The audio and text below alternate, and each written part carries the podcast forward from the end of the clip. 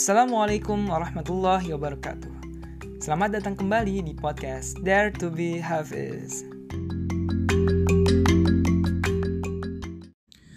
أعوذ بالله من الشيطان الرجيم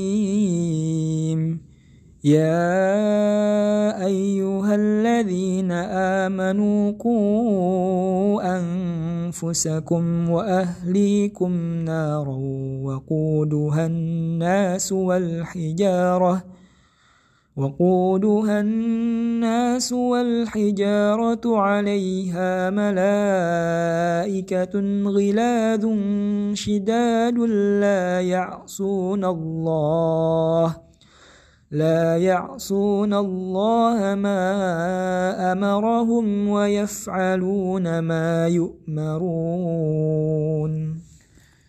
Aku berlindung kepada Allah dari godaan syaitan yang terkutuk. Wahai orang-orang yang beriman, peliharalah dirimu, peliharalah dirimu dan keluargamu dari api neraka yang bahan bakarnya adalah manusia dan batu. Penjaganya malaikat-malaikat yang kasar dan keras, yang tidak durhaka kepada Allah terhadap apa yang diperintahkan kepada mereka dan selalu mengerjakan apa yang diperintahkan.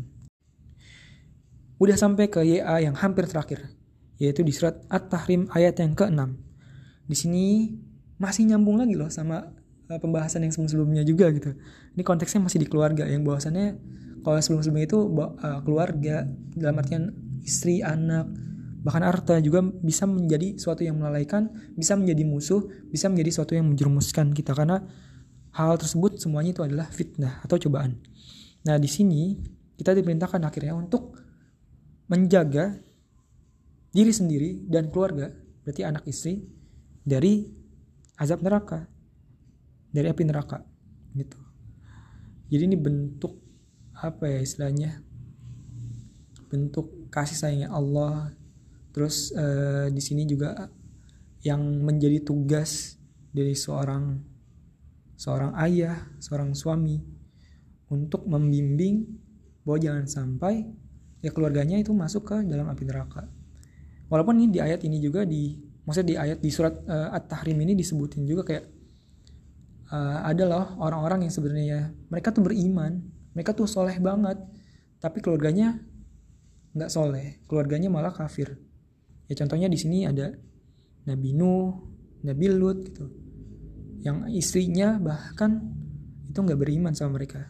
Tapi ada juga yang suaminya tuh kafir, tapi istrinya tuh malah beriman Kayak contohnya Asia dan Firaun kan, kayak gitu. Itu eh, konteks-konteks yang sebenarnya out of the box atau outliers nah kita nyebutnya outliers yang enggak average yang enggak rata-rata karena rata-ratanya itu adalah orang yang baik sama orang yang baik juga gitu tapi di sini Allah di uh, surat at-tahrim tuh sampai uh, memberikan contoh-contoh itu juga. Karena ya bener ya kayak Quran tuh bener kayak uh, semua hal yang terjadi di dunia nyata itu sebenarnya udah disebutin di Quran gitu. Contoh-contohnya dan gimana kira kita menyikapinya. Karena bahwasan semua itu udah ada contohnya. Oke balik lagi konteks saya ini.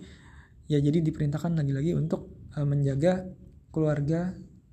Tapi sebelumnya Allah menyebutkan diri sendiri dulu. Jadi uh, sebelum menyelamatkan keluarga ya selamatin dulu diri sendiri karena nggak mungkin bisa akhirnya kan menyelamatkan orang lain kalau misalnya diri kita juga nggak selamat kayak gitu oke mungkin itu aja Udah hampir yang terakhir, nggak sabar.